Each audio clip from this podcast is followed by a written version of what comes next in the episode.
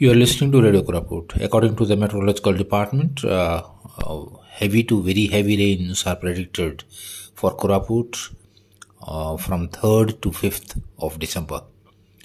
Hence, uh, all the leave of uh, the government officials have been cancelled by the district administration to meet any emergency affairs.